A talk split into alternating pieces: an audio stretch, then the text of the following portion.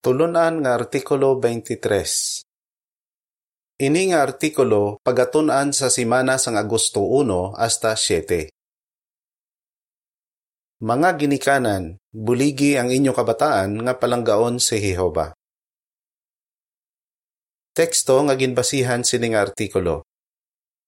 Higugmaa si Jehova nga imo Dios sa bugos mo nga tagipusoon kag sa bugos mo nga kalag kag sa bugos mo nga hunahuna. Mateo 22:37 Ambahanon 134 Ang mga kabataan palanublion halin sa Dios. Ang binagbinagon sa sininga artikulo. Palangga gid sang Kristiyano nga mga ginikanan ang ila kabataan.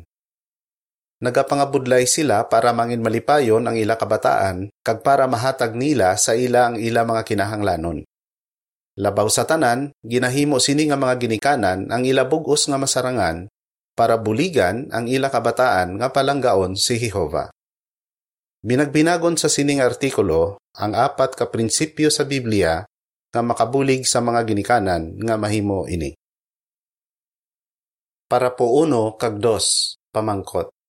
Kung may mga pagbag-o sa aton kabuhi nga amas ginapabaluran naton ang pila ka prinsipyo sa Biblia, sa tion sang kasal, nagapamati sing maayo ang gwapo nga nobyo kag ang iya gwapa nga nobya sa pamulong-pulong parte sa pag-asawahay nga nabasi sa Biblia. Nabalaan na nila ang mga prinsipyo nga ginabinagbinag sa sini nga pamulong-pulong. Pero sugod subong, importante gid sa ila ini nga mga impormasyon. Nga bangod kinahanglan nila ini i-aplikar bilang mag-asawa. Amo man sini ang ginabatyag sang bag-o nga mga ginikanan. Sa sulod sang madamo nga tinuig, madamo na sila sang nabatian nga pamulong-pulong parti sa pagpadako sa kabataan. Pero importante gid sa ila subong ini nga mga prinsipyo. Kay man, may bata na sila nga dapat padakuon. Mabugat gid ini nga responsibilidad. Gani kun may mga pagbag-o sa aton kabuhi, may mga prinsipyo man sa Biblia nga mas ginapabaluran naton.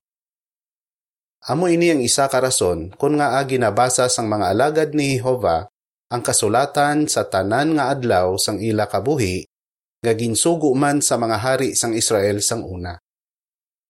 Dayon ginapamalandungan sang mga alagad ni Jehova ang ila nabasa. Deuteronomio 17:19 para po 3. Pamangkot. Ano ang binagbinago naton sa sininga artikulo? Mga ginikanan, may pribilehiyo kamo nga tudluan ang inyo kabataan parti kay Jehova. Isa ini sa pinakadalayawon nga pribilehiyo nga pwede mabaton sang isa ka Kristiyano. Pero hindi bastante nga tudluan lang ninyo sila sang mga impormasyon parti sa aton Dios dapat ninyo buligan ang inyo kabataan nga palanggaon gid siya. Ano ang pwede ninyo himuon para palanggaon sang inyo kabataan si Jehova? Sa sining artikulo, binagbinago nato ng apat ka prinsipyo sa Biblia nga makabulig sa inyo nga mga ginikanan. Binagbinagon man naton kung paano ginpakamaayo ang pila ka ginikanan nga nag-aplikar sang mga laygay sang Biblia apat ka prinsipyo nga makabulig sa mga ginikanan.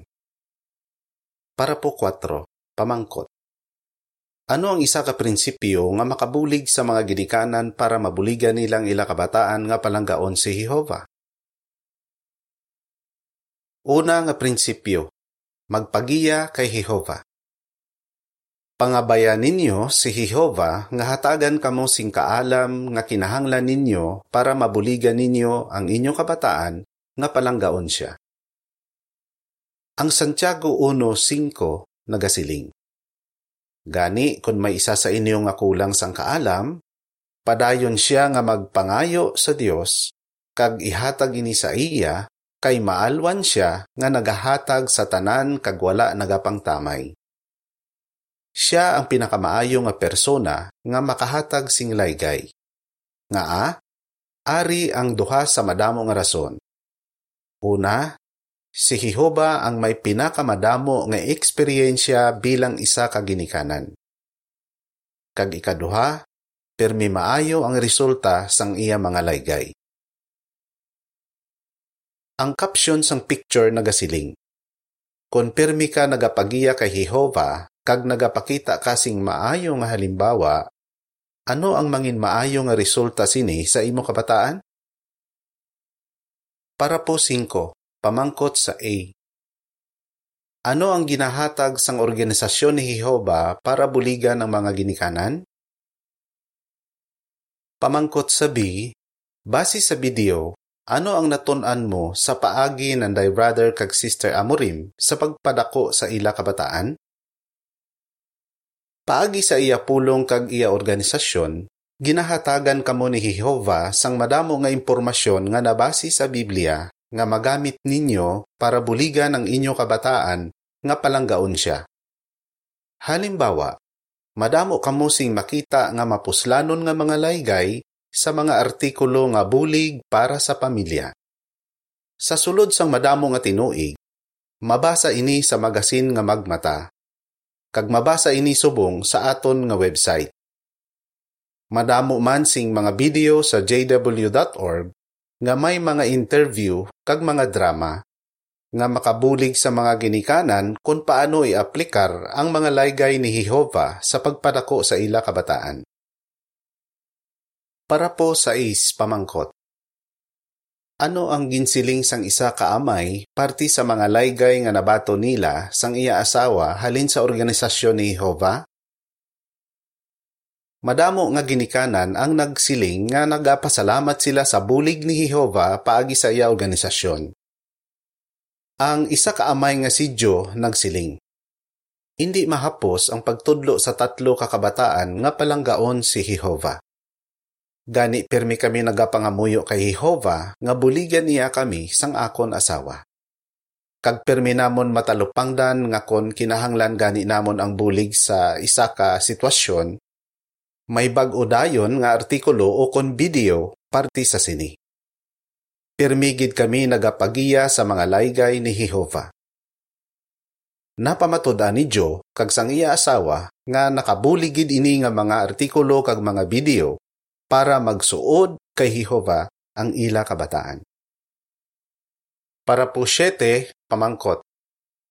Nga importante nga mangin maayo nga halimbawa ang mga ginikanan ikaduha nga prinsipyo, mangin maayo nga halimbawa. Ginapanilagan sang kabataan ang ila mga ginikanan kag ginailog nila ang ila ginahimo. Matuod, wala sing perpekto nga ginikanan. Pero dapat himuon sang mga ginikanan ang ila bugos nga masarangan para mangin maayo sila nga halimbawa sa ila kabataan. Ang Roma 2.21 nagasiling. Ikaw nga nagatudlo sa iban, wala ka bala nagatudlo sa imo kaugalingon? Ikaw nga nagabantala nga indi magpangawat, nagapangawat ka bala? Parti sa kabataan, ang isa ka amay nagsiling. Daw mga ispongha sila nga nagasuyop sang tanan. Nagsiling pa siya, hambalan nila kita kon lain ang aton ginahimo sang sa aton ginatudlo. Gani, kung gusto naton nga palanggaon sang aton kabataan si Jehova, dapat makita nila nga palangga gid naton siya. Para po utso kag 9, pamangkot. Ano ang natun-an mo sa ginsiling ni Andrew kag ni Emma? Madamo sing paagi para matudluan sang mga ginikanan ang ila kabataan nga palanggaon si Jehova. Ang 17 anyos nga brother nga si Andrew nagsiling. Pirmi ako ginatudluan sang akon mga ginikanan nga importante gid ang pangamuyo. Kada gabi, nagapangamuyo si Papa upod sa akon, bisan pa nakapangamuyo na ako. Permi nila kami ginasilingan sang akon manghod, pwede ninyo may istorya si Jehova bisan ano oras kag bisan pila pa ka beses. Bangod sini, nangin importante gid sa akon ang pangamuyo. Subong, komportable ako nga isugid kay Jehova ang akon ginabatyag paagi sa pagpangamuyo sa iya, kag ginakabig ko siya nga isa ka amay nga nagapalangga gid sa akon. Mga ginikanan, tandain ninyo nga mabuligan ninyo ang inyo kabataan nga palanggaon si Jehova kung makita nila nga palangga man ninyo siya. Binagbinaga man ang halimbawa ni Emma. Sang ginbiyaan sang iya amay ang ila pamilya, dako ang utang sang iya amay sa madamo nga tawo kag kinahanglan ini bayaran sang iya iloy. Si Emma nagsiling. Madamo nga beses nga halos wala na sing kwarta si mama. Pero permi niya ginaistorya kon paano ginaatipan ka ginabuligan ni Jehova ang iya mga alagad. Nakita ko sa iya pagkabuhi nga nagapatigid siya sa sini. Ginahimo gid ni mama kon ano ang iya mga ginatudlo. Ano matun-an naton sa sini? Pwede gihapon mapakita sang mga ginikanan ang mayo nga halimbawa bisan sa mabudlay nga mga sitwasyon. Para po Jess, pamangkot. Ano nga mga kahigayunan ang pwede gamiton sang madamo nga Israelinhon nga mga ginikanan para istoryahon ang ila kabataan parti kay Jehova? Ikatlo nga prinsipyo, permi istoryaha ang inyo kabataan. Ginsugo ni Jehova ang mga Israelinhon sang una nga tudloan nila pirmi ang ila kabataan parti sa iya. Ang Deuteronomio 6, 6 kag 7 nagasiling. Ining mga sugo nga ginahatag ko sa inyo subong dapat huptan ninyo sa inyo tagipusoon, kag ipatudok ninyo ini sa inyo anak, kag ihambal ninyo ini, kung nagapungko kamo sa inyo balay, kag kung nagalakat kamo sa dalan, kag kung nagahigda kamo, kag kung magbangon kamo. Madamo sila sang kahigayunan sa bilog nga adlaw para istoryahon ang ila kabataan kag para buligan sila nga palanggaon si Jehova. Halimbawa, Ginabuligan sang Israelinhon nga bata nga lalaki ang iya amay sa pagpananom sa ila uma ukon sa paghakot sang ila patubas pagkadto sa ila balay. Gani posible nga inura sila nga magkaupod sang iya amay. Ginabuligan naman sang iya utod nga babayi ang ila iloy sa pagpanahi, pagpanghabol, kag sa iban pa nga ulubrahon sa balay. Gani posible nga halos bilog nga adlaw sila nga magkaupod sang iya iloy. Samtang updanay nga nagaubra ang mga ginikanan kag kabataan, pwede nila istoryahan ang parte sa madamo nga importante nga topiko. Halimbawa, pwede nila istoryahan ang parte sa kaayo ni Jehova kag kung paano niya ginabuligan ang ila pamilya. Para po unse pamangkot. Ano ang isa ka kahigayunan nga magamit sang mga ginikanan para maistorya nila ang ila kabataan? Subong, lain na ang aton sitwasyon. Sa madamo nga pungsod, wala sang tion kon adlaw para makaupdanay ang mga ginikanan kagang ila kabataan. Posible nga ara sa ulubrahan ang mga ginikanan, kag ara naman sa eskwelahan ang kabataan. Gani, dapat mangita sang tiun ang mga ginikanan para maistorya nila ang ila kabataan. Ang family worship among isa ka kahigayunan para mahimo nila ini. Ang isa ka pamatanon nga brother nga si Alexander nagsiling. Ginasigurado gid ni tatay nga may ara kami permi family worship. Bisan ano pa ang matabo, wala gid nagasiling si tatay nga indi lang kami anay mag family worship. Pagkatapos ang amon pagtuon, nagaistoryahanay kami dayon. Para po 12, pamangkot. Ano ang dapat tandaan sang ulo sang pamilya sa tion sang family worship? Kung isa ikaw ka ulo sang pamilya, ano ang pwede mo himuon para manamian ang imo kabataan sa inyo family worship? Pwede mo gamiton sa inyo pagtuon ang aton manami nga bag-o nga publikasyon nga magkabuhi sing wala katapusan. Makabulig ini nga libro para mangin masadya ang inyo pagtuon kag pagistoryahanay. Gusto mo nga isugid sa imo sang imo kabataan ang ila nabatyagan kag problema, gani indi mo sila dapat pag-akigan o kon pagsermonan sa tion sang inyo family worship. Kag kun may ginsiling ang imo kabataan nga indi suno sa mga prinsipyo sa Biblia, tinguhai nga indi maaki.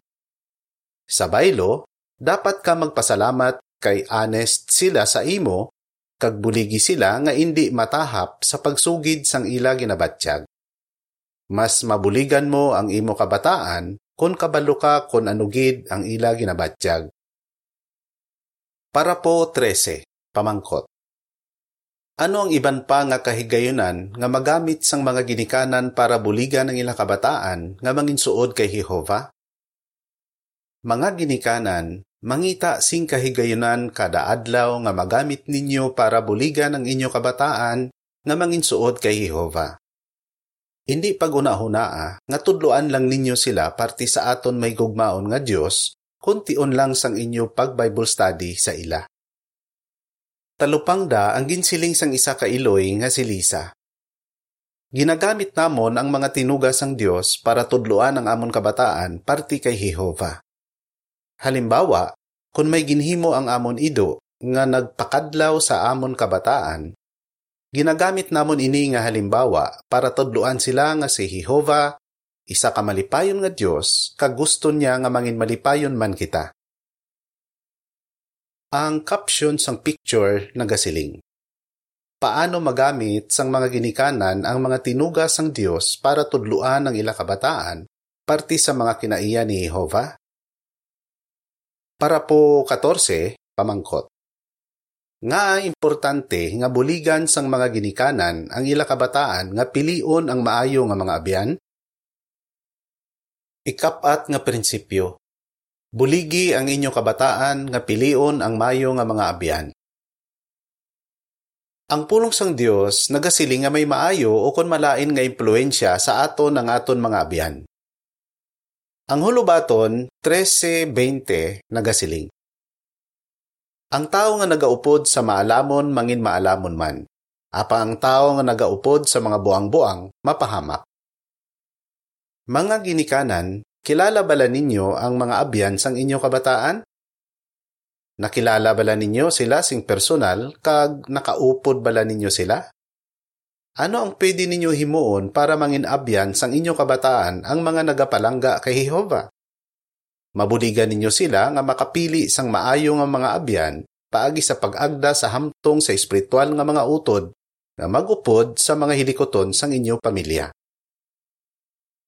Ari ang paathag sa picture nga gingamit para sa parapo 14.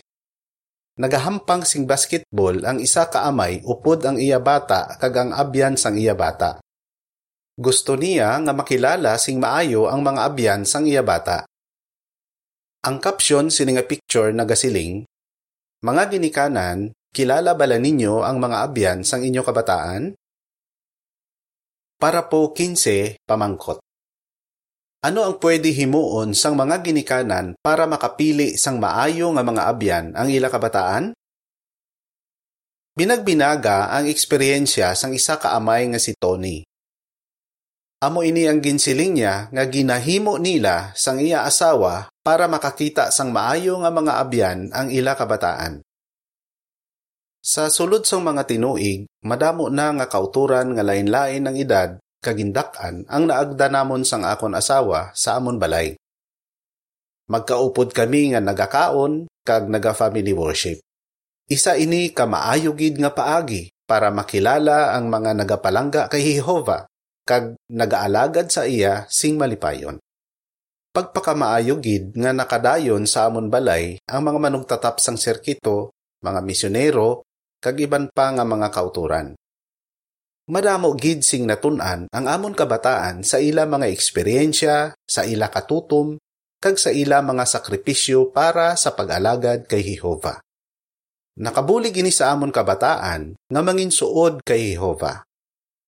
Mga ginikanan, buligigid ang inyo kabataan nga pilion ang maayo nga mga abiyan. Hindi madulaan sang paglaom.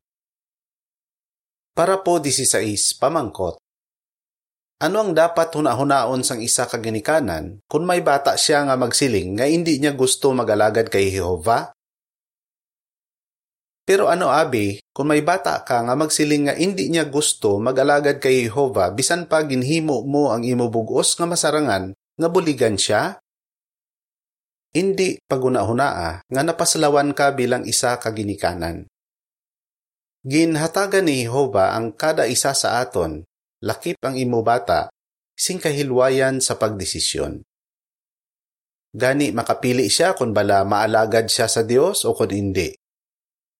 Kung nagdesisyon ang imo bata nga biyaan si Jehova, hindi madulaan sang paglaom nga magabalik siya sa ulihi. Dumduma ang ilustrasyon parte sa rebelyoso nga anak. Nagpalayo ini nga anak kag madamo siya sing ginhimo nga malain, pero nagbalik siya sa iya amay sang ulihi. Basi magsiling ang iban, isa lang ina ka istorya. Posible gid bala ina matabo? Oo, amo sina ang natabo sa isa ka pamatanon nga si Eli. Para po 17 pamangkot. Paano ka napaligon sang eksperyensya ni Eli? Amo ini ang ginsiling ni Eli parti sa iya mga ginikanan. Gintinguhaan nila nga tudloan ako nga higugmaon si Jehova kagang iya pulong ang Biblia. Pero sang teenager ako, nagrebelde ako.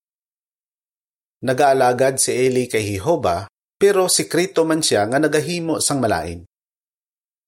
Ginhimo sang iya mga ginikanan ang tanan para hindi siya magbiya kay Jehova, pero wala niya sila ginpamatian. Sang naghalin siya sa ilabalay, naghimo siya sang sala nga mga buhat. Pero may mga tion nga nagaistorya sila sang iya amigo parte sa Biblia. Si Eli nagsiling, Samtang padayon ko nga ginasugid sa akon amigo ang parte kay Jehova, pirmi ko na ginapaminsar si Jehova. Amat-amat nga nagtubo ang binhi sang kamatuoran sa Biblia nga gintanom sang akon mga ginikanan sa akon tagipusoon. Sang ulihi, nagbalik si Eli kay Jehova.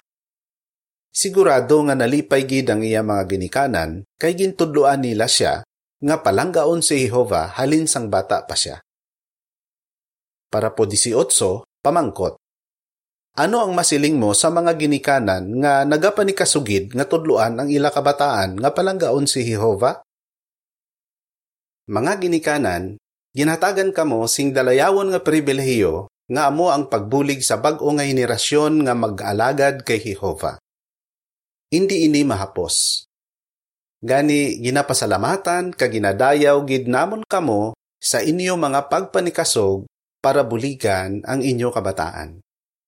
Kung padayon ninyo nga himuon ang inyo bugos nga masarangan para buligan ang inyo kabataan, nga palanggaon si Jehova kag tudloan sila nga mangin matinumanon sa iya, malipay gid sa inyo ang aton mahigugmaon nga amay sa langit.